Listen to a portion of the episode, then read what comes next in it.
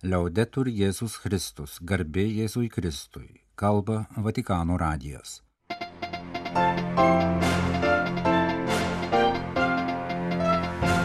Malonus klausytojai šioje penktadienio Liepos 14 programoje kardinolas Pietro Parolinas po kelių Azerbaidžiane praleistų dienų Liepos 11-13 dienomis lankėsi Armenijoje Arkivyskupas Richardas Polas Galageris dalyvavo italų geopolitikos žurnalo Lymės naujausio numerio skirto Ukrainos karo ir taikos klausimams pristatyme. Pasaulio jaunimo dienų koordinatorius kardinolas nominatas Ameriko Agujaras Ukrainoje susitiks su tais, kurie negali atvykti į Lisaboną. Devintoji konsistorija - penki būsimi kardinolai, kurios popiežius gerai pažįsta dar iš laikotarpio kai gyveno Buenos Airese. Po kelių Azerbaidžiane praleistų dienų Liepos 11-13 dienomis kardinolas Pietro Parulinas, popiežiaus valstybės sekretorius, lankėsi Armenijoje.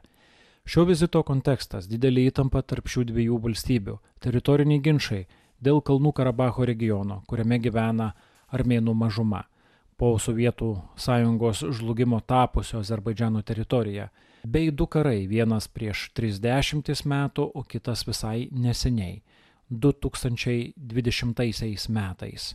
Šiuo metu vyrauja trapios paliaubos ir yra baiminamasi trečio karo. Šiame konflikte armenai jaučiasi atsidūrę nepalankioje padėtyje. Azerbaidžiano populiacija yra tris kartus didesnė už Armenijos. Azerbaidžianas yra remiamas galingos karinės jėgos - Turkijos, o dėl savojo saugumo garanto Rusijos Armenijos vyriausybė neseniai išreiškė viešą nusivylimą.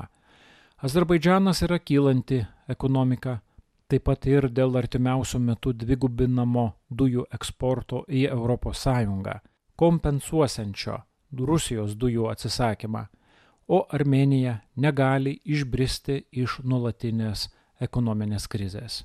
Konfliktas turi stiprų kultūrinį ir religinį atspalvį. Dauguma azerbaidžaniečių yra musulmonai, o armėnai viena iš seniausių krikščioniškų tautų. Abi pusės kaltina viena kitą jų istorinio paveldo naikinimu ginčytinose teritorijose. Kaip praneša paštalinė nunciatūra Armenijoje ir nuncijos Armenijoje bei Gruzijoje, arkivyskupas Jose Betenkurtas, popiežiaus valstybės sekretorius atvyko į Jerevaną Liepos 11, o Liepos 12 dieną pradėjo oficialius vizitus. Visų pirma, kardinolas aplankė armėnų genocido memorialinį kompleksą Jerevane ir ten padėjo gėlių vainiką. Šiame kontekste reikia priminti, kad Šventasis sostas ir popiežius Pranciškus nekarta 20-ojo amžiaus pradžios įvykius tuometinėje Osmanų imperijoje yra apibrėžę genocido termino, nepaisant didelio Turkijos pasipriešinimo. Per pastaruosius keliarius metus taip pat įvairių valstybių parlamentai paskelbė rezoliucijas, kuriomis oficialiai pripažino armėnų genocidą. Po apsilankimo memoriale įvyko oficialūs popiežiaus valstybės sekretoriaus valstybiniai susitikimai su Armenijos prezidentu Vahagnu K.H. Turijanu ir ministru pirmininku Nikola Paschinianu. Armėnų žiniasklaida nurodo, kad viena iš pagrindinių temų buvo situacija Kalnų Karabache, į kurį dėl neoficialaus blokavimo sunku pristatyti būtiniausių vaistų ir kitų daiktų, teikti svarbiausias paslaugas populiacijai.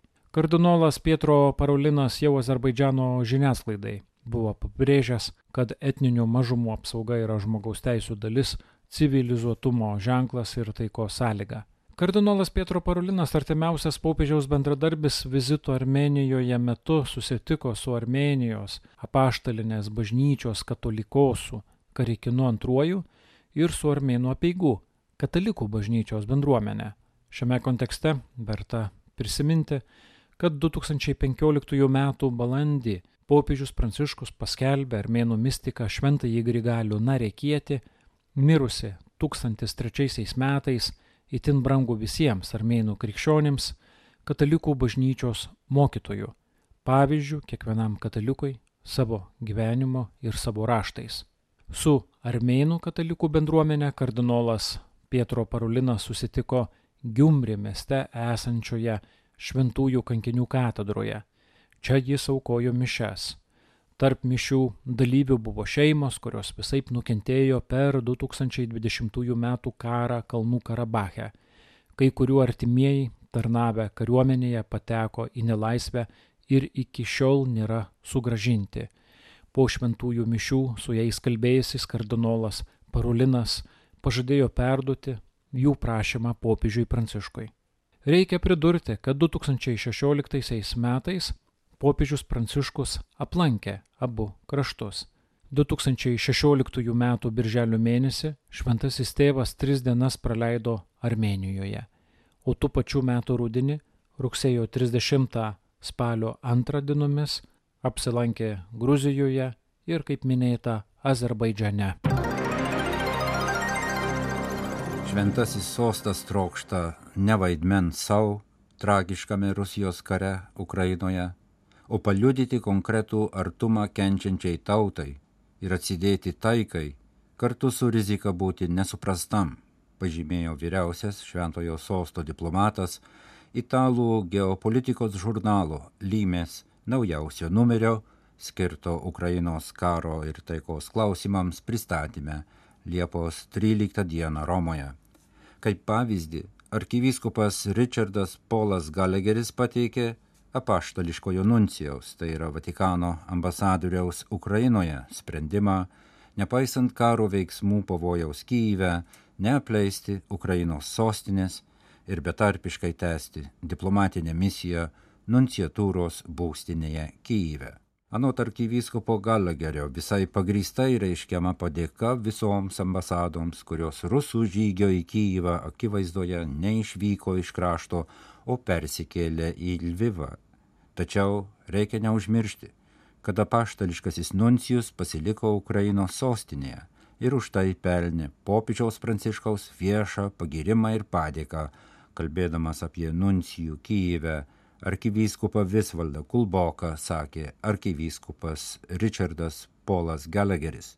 Anot arkivyskupo Gallagherio, nedara užmiršti nei Ukrainos katalikų, graikų ir lotynų vietinių bažnyčių, įvairių katalikiškų labdaros organizacijų, humanitarinius veiksmus, kaip ir skaitlingas kardinolo Konrado Krajevskio popiežiaus išmaldininko misijas Ukrainoje. Visa tai be jokios dviejonės gali būti laikoma tam tikrų karitatyvinių apkabinimų, kuriuo popiežius Pranciškus apkabina ukrainiečių tautą, jos nepalikdamas vienos kentėjimuose ir jos išgyvenamoje tragedijoje.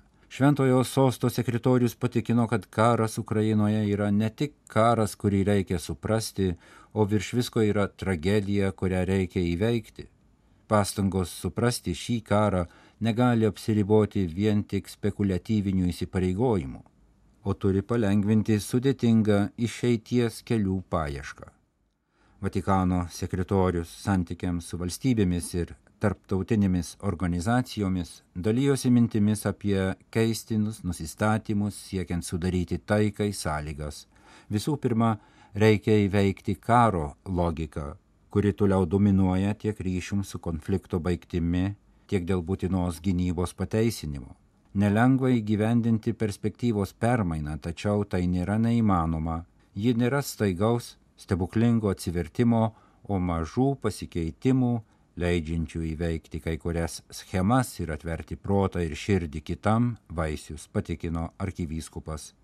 Vyriausias Vatikano diplomatas atkreipė dėmesį, kad Ukrainos invazija yra ne tik karinio ir politinio pobūdžio apskaičiavimų, bet ir nepakankamo atsižvelgimo į ukrainiečių tautos gilų nacionalinį jausmą pasiekmė. Anot jo, atsisakymas kitam pripažinti jo tapatybę pavertė neįmanomų pagarbų dialogą, galėjusi užkirsti kelią įvykiams, kuriuos dabar stebi visas pasaulis.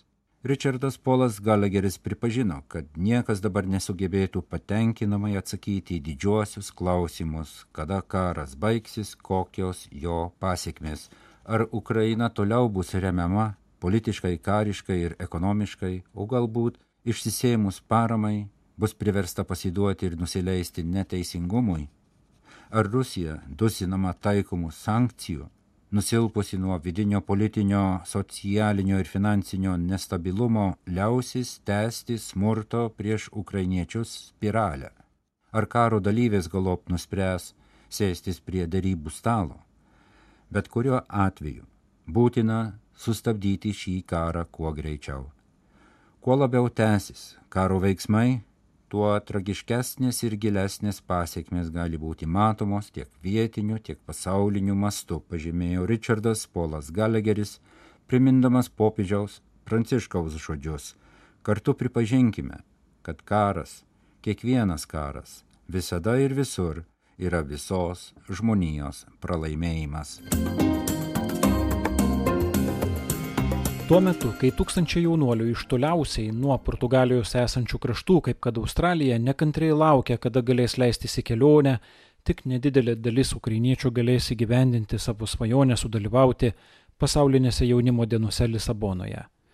Šiame kontekste kardinolas nominatas Ameriko Aguijaras, pasaulinių jaunimo dienų koordinatorius, šiomis dienomis lankosi Ukrainoje. Sidnėjaus arkiviskupija praneša, kad iš jos į tolimą Portugalijos sostinę išvyks apie tūkstantį jaunuolių, lydimų arkiviskupijos vienuolių, seminaristų, kunigų. Apie trešdalį visų jaunų australų, kurie išreiškė truškimą sudalyvauti pasaulinėme jaunimo susitikime bei susitikime su popiežiumi. Po Lisabonoje praleistos pirmosios rūpiučio savaitės daug australų jaunuolių neskubės grįžti į namus, bet pasiskirstys į tris grupės, kurios tęs piligrimystę. Sidnėjaus arkivyskupas Dominikonas Antony Fisheris vadovaus piligrimystė Jėzaus pėdomis šventojoje žemėje, o du jo auxiliarai piligrimystė Italijoje, aplankant Veneciją, Florenciją, Syžių ir Romą, bei piligrimystė iš Madrido į Avilos miestą Ispanijoje. Lisabonoje bus ir ukrainiečių jaunuolių. Pranešama, kad nedidelis jų skaičius atvyks iš Ukrainos, kiti iš diasporos bendruomenių pasaulyje. Lvivo katalikų arkiviskupijos kunigas Valdemaras Pavelicas, taip pat vyksantis į Lisaboną, prieš keletą dienų minėjo 500 ukrainiečių piligrimų skaičių. Nėra bejonių, kad jei ne Rusijos pradėtas karas, milijonus pavertęs pabėgėliais, nuskurdinęs šeimas, atėmęs artimuosius, apsunkinęs sienų kirtimą, jų būtų daug daugiau. Šiame kontekste pagrindinis pasaulinių jaunimo dienų koordinatorius, ką tik kardinolu paskirtas Lisabonos vyskupas auxiliaras Ameriko Agvijaras, šiomis dienomis lankosi Ukrainoje, kad susitiktų su tais, kurie negali atvykti į Portugaliją. Liepos 15-ąją numatytas jo susitikimas su graikų apieigų katalikų bendruomenių jaunimu nacionalinėje Zarvanicos šventovėje, o Liepos 16-ąją susitikimas su Lutynų apieigų bendruomenių jaunuoliais Berdyčevo Dievo motino šventovėje. Iš būsimų kardinolų popiežius Pranciškus gerai pažįsta penkis dar iš to laikotarpio, kai gyveno Buenos Airese.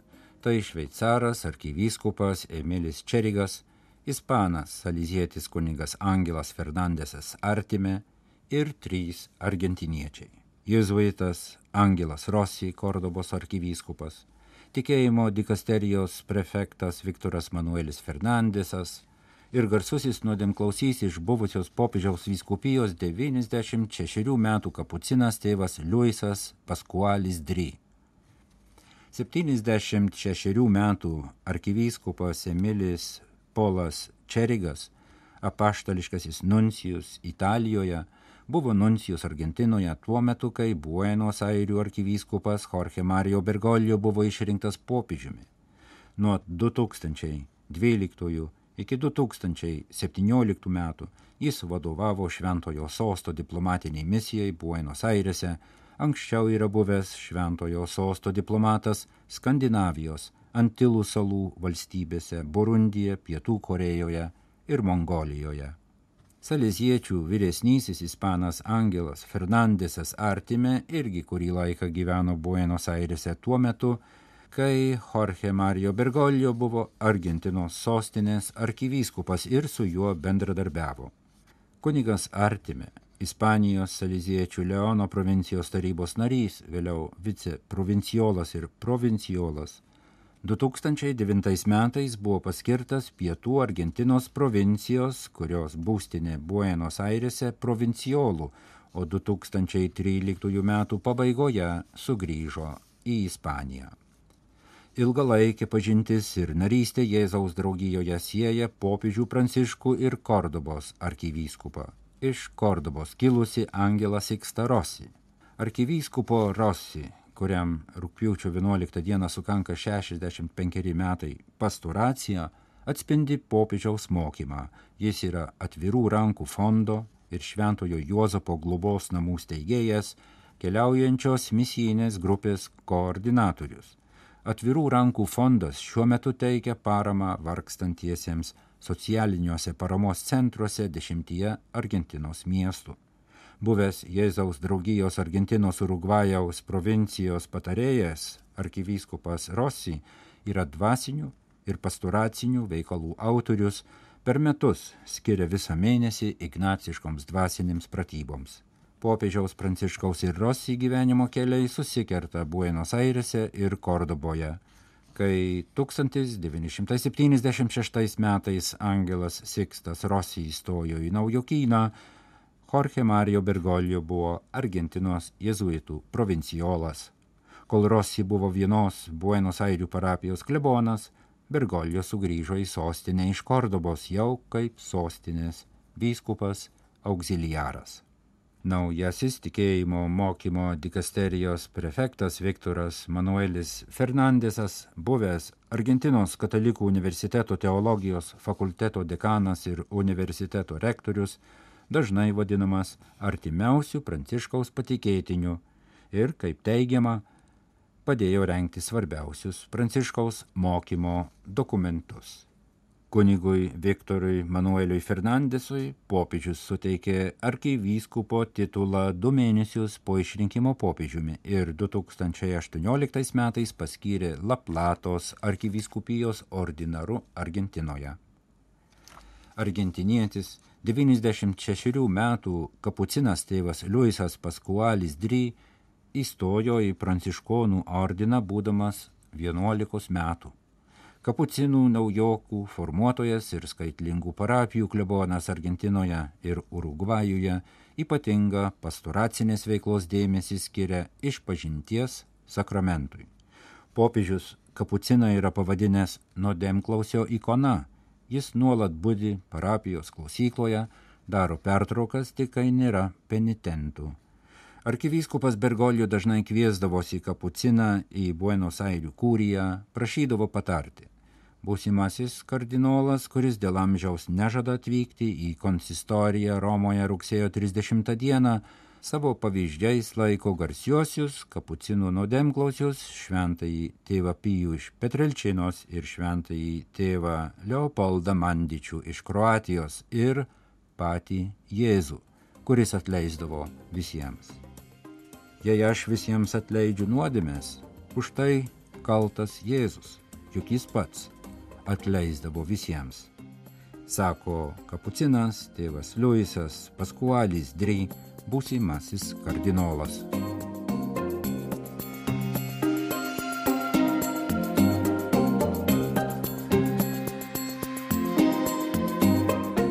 Kalba Vatikano radijas, laida lietuvių kalba, baigėme. Garbė Jėzui Kristui. Liaudetur Jėzus Kristus.